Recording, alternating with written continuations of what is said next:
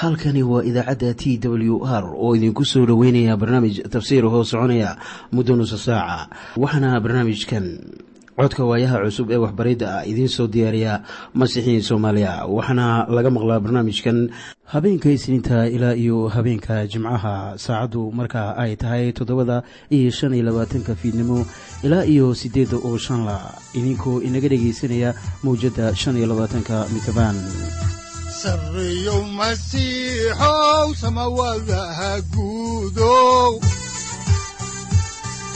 siraadkii adduunkow subanaha eebow sareyow masiixow samawadaha guudow siraadkii adduunkow subanaha adigoo samaada jiro ifkaan soo saldhiganba adigoo samaada jiro ifkaan soo saldhiganba ku soo dhowaada dhegaystayaal barnaamijkeenna dhammaantiinba waxaannu horay u sii ambaqaadi doonnaa daraasaadkii la magac baxay baibalka dhammaantii kuwaasoo aynu ku eegayno dhammaan waxa ku qoran kitaabka quduuska ah ee ilaah waxaannu caawiye idiin bilaabi doonnaa kitaabka bilowgii oo ah kitaabka koowaad ee muuse dadalow baraarugaye falankeenu waasaase dadalow baraarugaye falankeenu waasaase balankii masiixeena dadka baylah shaabaayo bartankii cadaabtii bay ka baruuran doonaane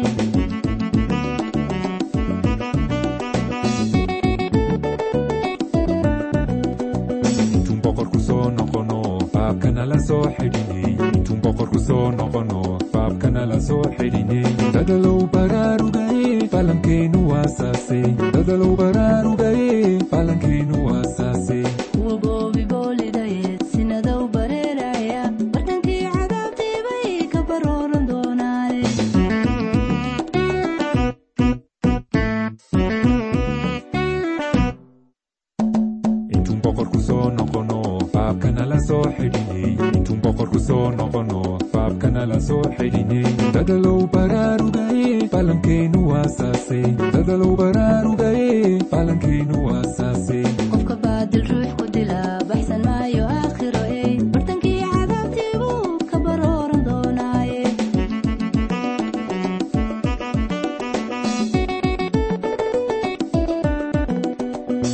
boqorku soo noqono faabkana la soo xidhinay intuun boqorku soo noqono faabkana la soo xidhinay dadalow baraarugaye falankeenu waasaase dadalow baraarugaye falankeenu waasaase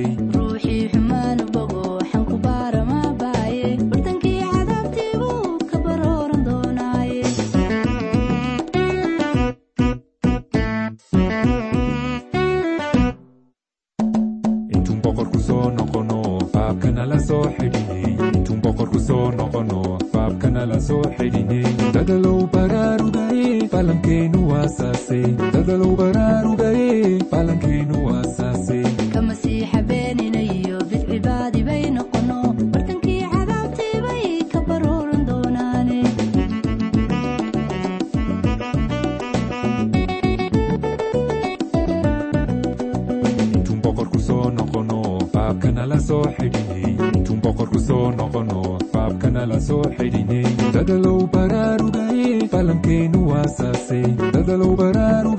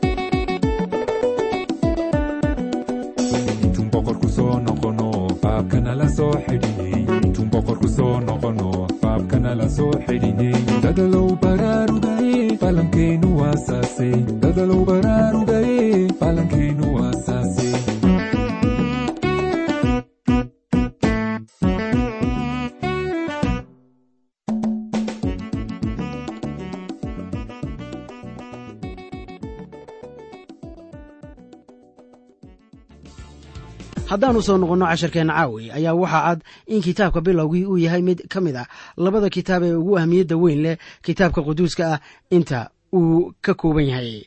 Kitaabka ugu horreeya ee axdigii hore oo loo yaqaano bilowgii iyo kan uu ka bilowdo axdiga cusub oo ah injiilka sida matayos u qoray ayaa ah labada kitaab oo sidaan dareensanahay ah furaha fahamka qorniinka.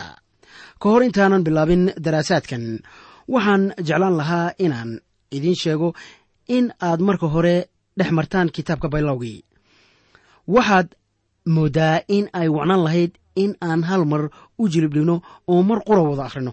Laakiin waxaan ogahay intaasu ayan suuragal ahayn in la yeelo oo haddii aad runta doonayso anigu ma aanan awoodin in aan hal mar oo qura baibalka oo dhan ku akhriyo. Waxay igu qaadatay dhowr mar in aan wada akhriyo baibalka dhammaantii.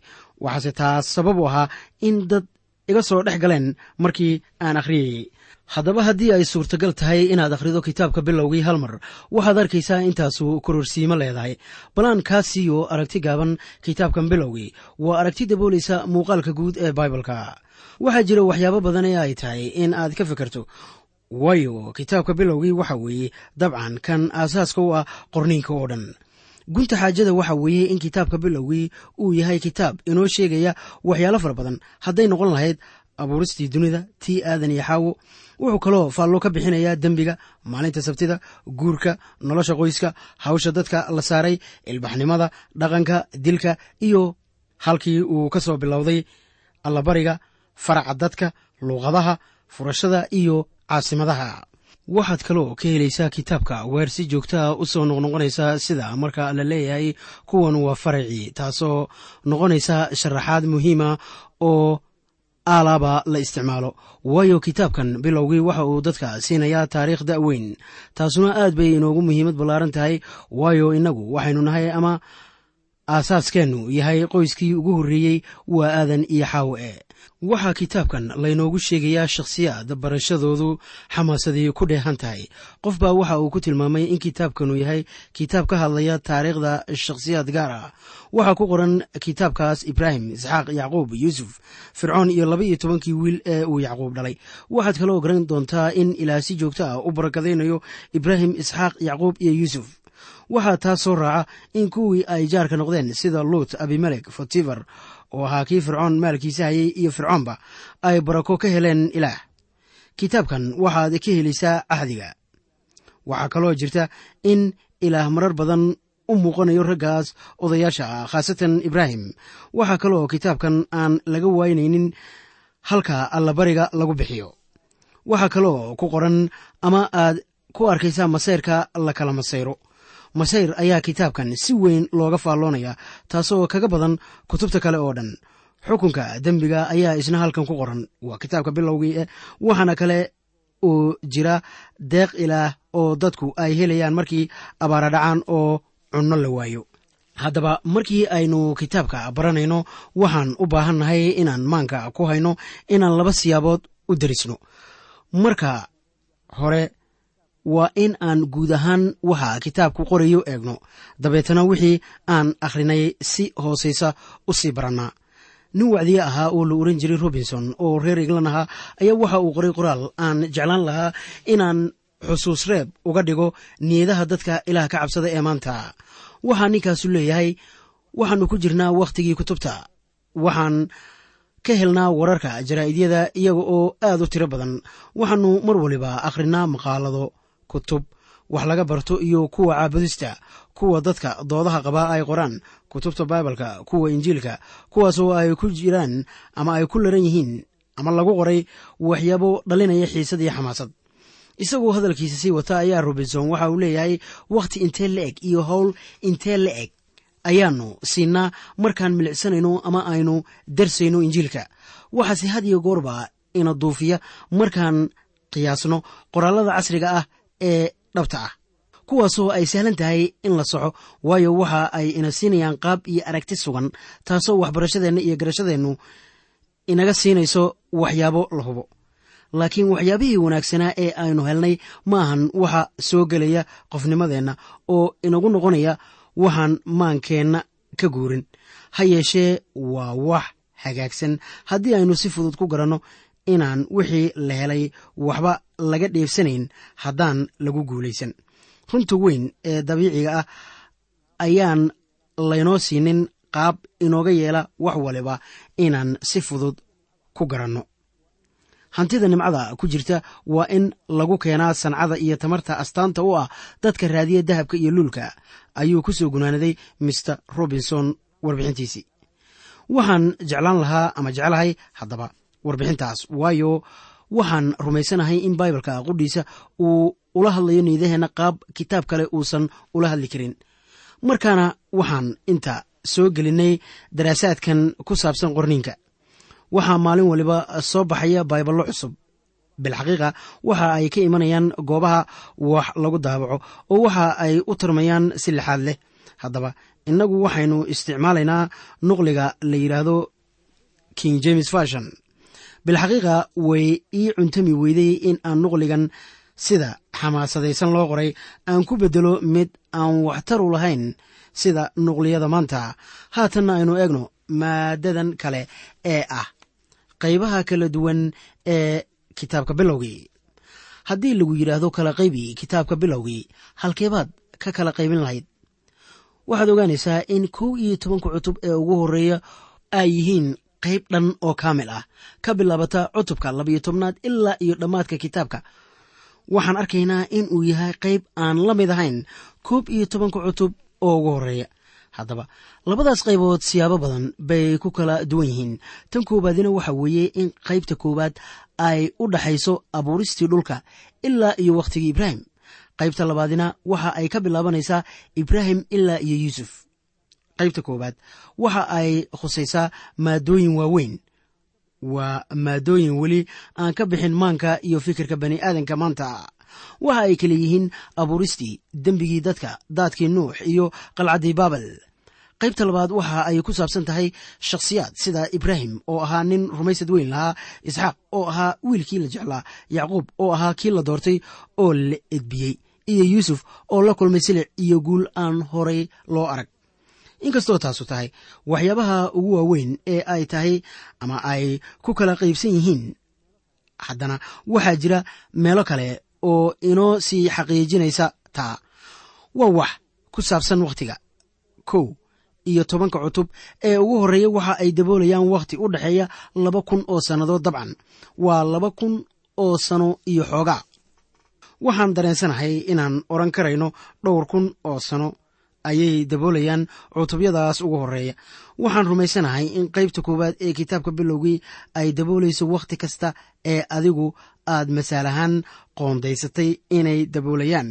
Welibana intii ay kula noqoto markii aad sheegto haddana wakhtiga aad sheegtay baa ka yaraanaya. Balse ugu dhowaan waxaan garanaynaa in kitaabka uu daboolayo laba kun oo sannadood. Markaan eegno cutubyada hal ilaa koob iyo toban. Laakiin qaybta labaad oo ah sagaal iyo soddon cutub ayaa qaadatay oo keliya saddex boqol iyo konton sannadood. Bilxaqiiqa ka bilaabata cutubka labiyo tobnaad ee kitaabkan bilowgii ilaa iyo dhammaadka axdigii hore iyo axdiga cusub ayaa waxa ay noqonaysaa laba kun oo sannadood. Markaana haddii aynu eegno wakhtiga ayaad ilaa iyo kala badh wakhti ahaan waxaad akhriyeysaa koob iyo tobanka cutub ee ugu horreeya haddaba. Taasi waxa inoo sheegaysaa in ilaah dan mucayin ah ka leeyahay qaybtan koowaad ee kitaabka bilowgii taasoo uu ina siiyey. Miyaad u malaynaysaa in ilaah adkaynayo qaybtan koowaad amase uu adkaynayo qaybta dambe ee baibalka miyaanay caddayn in uu adkaynayo qaybtan dambe? Qaybta koowaad waxa ay khusaysaa wax ku saabsan koonka iyo abuurista laakiin qaybta dambe waxa ay khusaysaa dadka quruumaha iyo shakhsiyadda ciise masiix ilaah waxa uu aad u xiiseynayey ibraahim marka loo eego wixii kale ee uu abuuray. Saaxiib ilaah adiga xitaa wuu ku danaynayaa oo weliba waxa uu ku qiimeeyaa si ka sii sarraysa dunida kale ee muuqata ee uu abuuray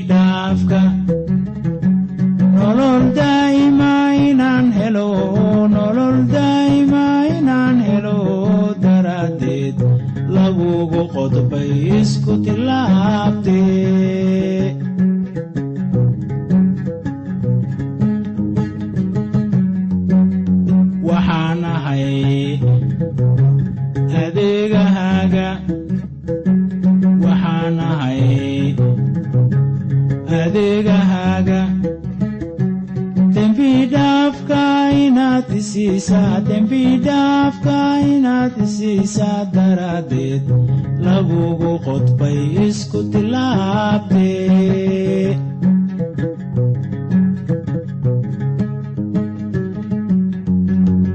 dembi dhaafka inaad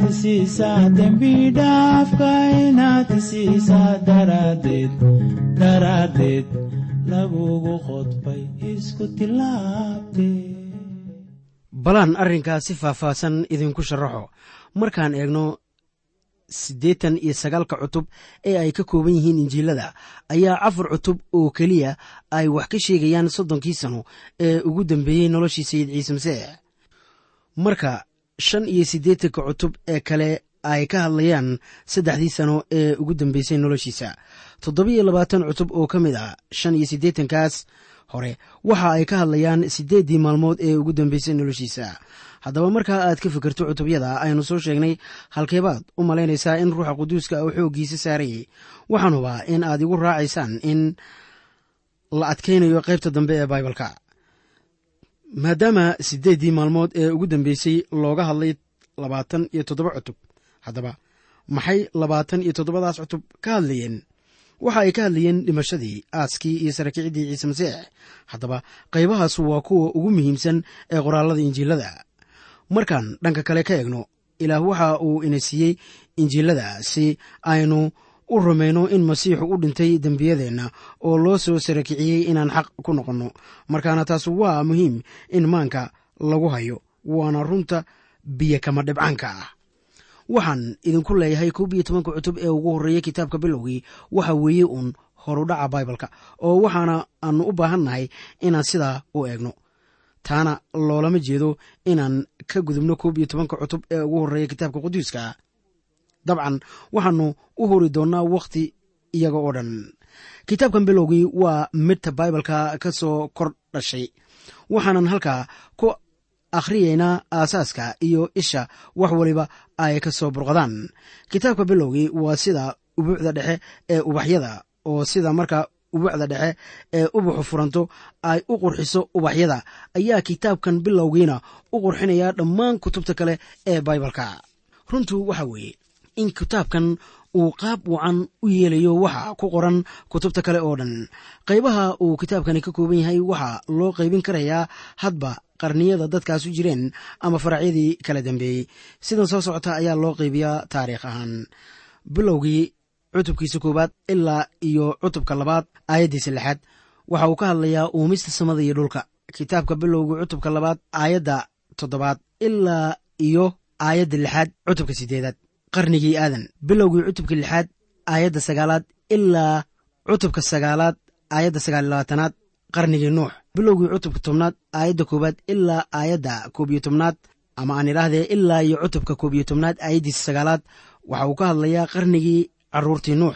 Ka bilaabata bilowgii cutubka koob iyo tobnaad aayadda tobnaad ilaa iyo aayadda lix iyo labaatanaad ayaa iyana ka hadlaysa qarnigii sham ama sam bilowgii cutubka koob iyo tobnaad aayadaha toddobiyo labaatan ilaa shan iyo labaatan ayaa waxay ka hadlaysaa qarnigii terax.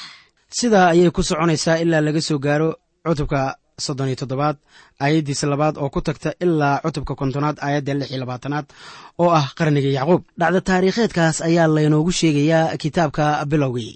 Haddaba kitaabka bilowgii waa kitaab wax ka sheegaya faracyada iyo abtirsiinyada waa kitaab xiise leh oo waxa uu inagu caawiyayaa inaan garanno in baibalku yahay kitaab waxtar inoo leh.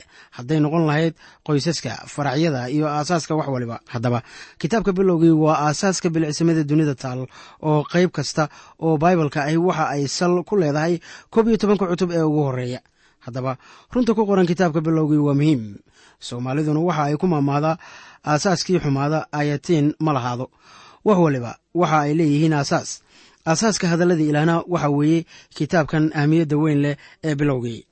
Waxaan idinkula talinayaa saaxiibayaal inaad dareenkiina sare u weecisaan garashada hadalladii ilaah ee ku qoran kitaabkan da'da weyn leh. Waxaad kala soo bixi doontaan xigmad murti iyo aqoon sare haddii aad caadaysataan. Dhegaysiga daraasaadka aynu kaga hadlayno taxanahan la magac baxay baibalka dhammaantiis. Muhiimadda kitaabka bilowgii waxa weeye inuu aasaas inoo yahay. Aasaaskaas ayaannu wax waliba ka duldhisaynaa waxaa cad in ilaa samada abuuray dabeetana dunida uu ku xijiyey. Markii uu dhammeeyeyna waxa uu bilaabay inuu abuuro qoraxda iyo dayaxa waxaana ku xigay beriga iyo badda wax waliba ee ilaah sameeyeyna si amar iyo nidaam leh ayaa ay u dhaceen. Bilxaqiiqa dadka soomaalida ahi aad bay u garanayaan kitaabka bilowgii. Waxa uu ka hadlayaa xaawo iyo aadan iyo in ay dembaabeen wuxuu kaloo ka hadlayaa qaabiil iyo habiil iyo qaabiil inuu dilay walaalkiisa habiil. Waa qiisooyin aynu ku wada barannay yaraanteennii. Laakiin halka soomaalida ayan garanaynin waa kitaabka la magac baxay axdiga cusub dad badan baa garanaya waxyaabaha masiixiyiintu ay aaminsan yihiin laakiin si tafatiran wax looguma sheegin. Sababtaas aawadeed daraasaadkan ayaad kaga boganaysaan oo aad weliba kaga baxaysaan kuturikuteyntii aad ka maqasheen dadka kale. Waxaad arkaysaan dad xogogaal ahaa oo ku dhowaa ciise masiix oo xaalka ka hadlaya. Waxaad kaloo arkaysaan ciise masiix qudhiisa oo iska hadlaya oo fasiraad ka bixinaya qasadkii uu dunida u yimid waxaa faallo kooban uu ka bixinayaa ama faallo kooban ka bixiyey rasuul yoxanaa. Markii uu lahaa sida ku qoran injiilka ku magacaaban yoxanaa oo la yidhaahdo injiilka sida yoxanaa u qoray cutubkiisa saddexaad aayadda lix iyo tobnaad oo leh ilaah intuu dunida jacayl u qabay ayaa uu siiyey wiilkiisa keliya oo dhashay in mid kastaoo isaga rumaystaa uusan lumin laakiinse uu lahaado nolosha weligeeda. Qasadkii dunida uu u yimi sida yoxanaaba leeyahay waxa uu ahaa inuu qaado dunuunta dadka ama aan idhaahdee dembiyada dadka. Dadkuna waxa ay dembaabeen sidaad ku arki karaysaan kitaabka bilowgii oo aynu maanta idiin bilownay aasaaskii dunida. Waxaa dembaabay abkow aadan iyo abootaxaawo markii ay joogeen beer ceedan oo aynu u naqaano jannada. Waxaanse la yaabaa in soomaalidu ay garanayaan abkow aadan iyo abootaxaawo sida in ay waalid u yihiin waana dhab bilxaqiiqa in labadaa shakhsi ay waalid u wada yihiin dadka dunida jooga oo dhan maanta. Cid waliba ee aad aragto ha ahaadeen afrikaan shiineys jabaniis hunuud yurubiyan iyo uberjin eh waxa ay ka soo farcaabeen ama ay ka yimaadeen abkow aadan iyo abootaxaawo miyaanay taasu qalbiqaboojin weyn inoo lahayn? Inaan garanno in dadka dunida oo dhani ay wada dhasheen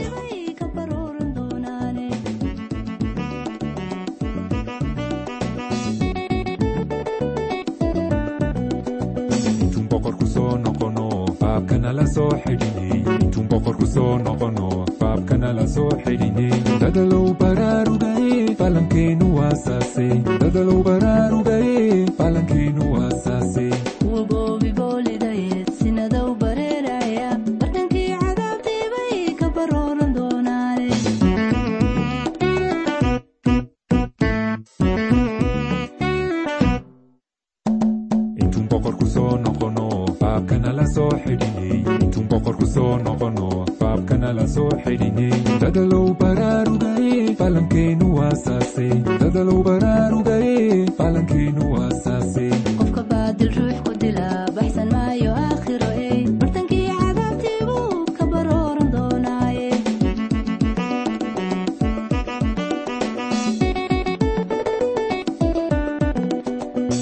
boqorku soo noqono baabkana la soo xidhinay intuun boqorku soo noqono baabkana la soo xidhinay dadalow baraarugaye falankeenu waasaase dadalow baraarugaye falankeenu waasaase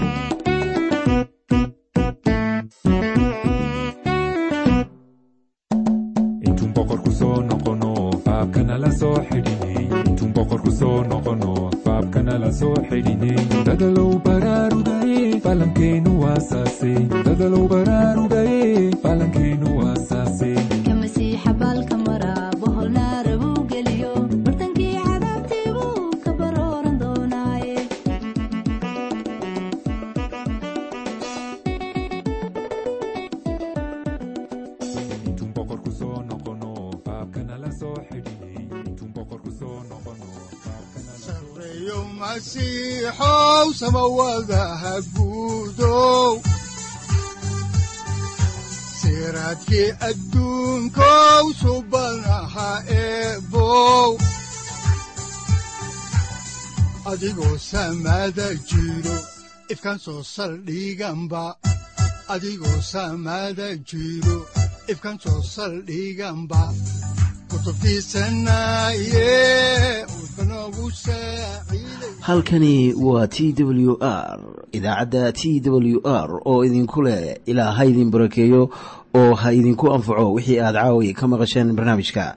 Waxaa barnaamijkan oo kalaa maqli doontaan habeen dambe hadahan oo kale haddiise aad doonaysaan in aad fikirkiina ka dhiibataan wixii aad caawi maqasheen ayaad nagala soo xiriiri kartaan som t w r at t w r c o k e dhegaystayaal haddii aad doonaysaan inaad mar kale dhegaysataan barnaamijka fadlan mar kale booqo www t t b t w r o r g halka sare waxaad ku arkaysaa markii aad gasho language ama luuqadda waxaana dooranaysaa soomaali haddii aad doonaysaan in aad dejisataan oo kaydsataan barnaamijka ama aad mar kale dhegaysataan fadlan mar kale booqo www t t b t w r o r g ama haddii aad doonayso in laga kaalmeeyo dhinacyada fahamka kitaabka amase aad u baahan tahay duco fadlan fariimahaaga soo mari bogga aaraahda ama kommentska inana jawaab degdeg ah ayaanu ku soo diri doonaa amase ku siin doonaaye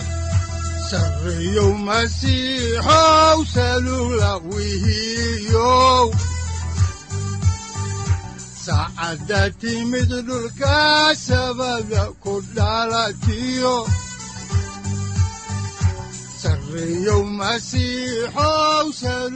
halkani waa t w r oo idiin rajaynaya habeen baraare iyo barwaaqaba leh inta aynu ka gaari doono wakhti aynu ku kulanno barnaamij la mida kan caawayay aad maqasheen. Waxa aan idinku leeyahay nabadda ciise masiix ha idinku badato xagga jirka iyo ruuxaba. Aamiin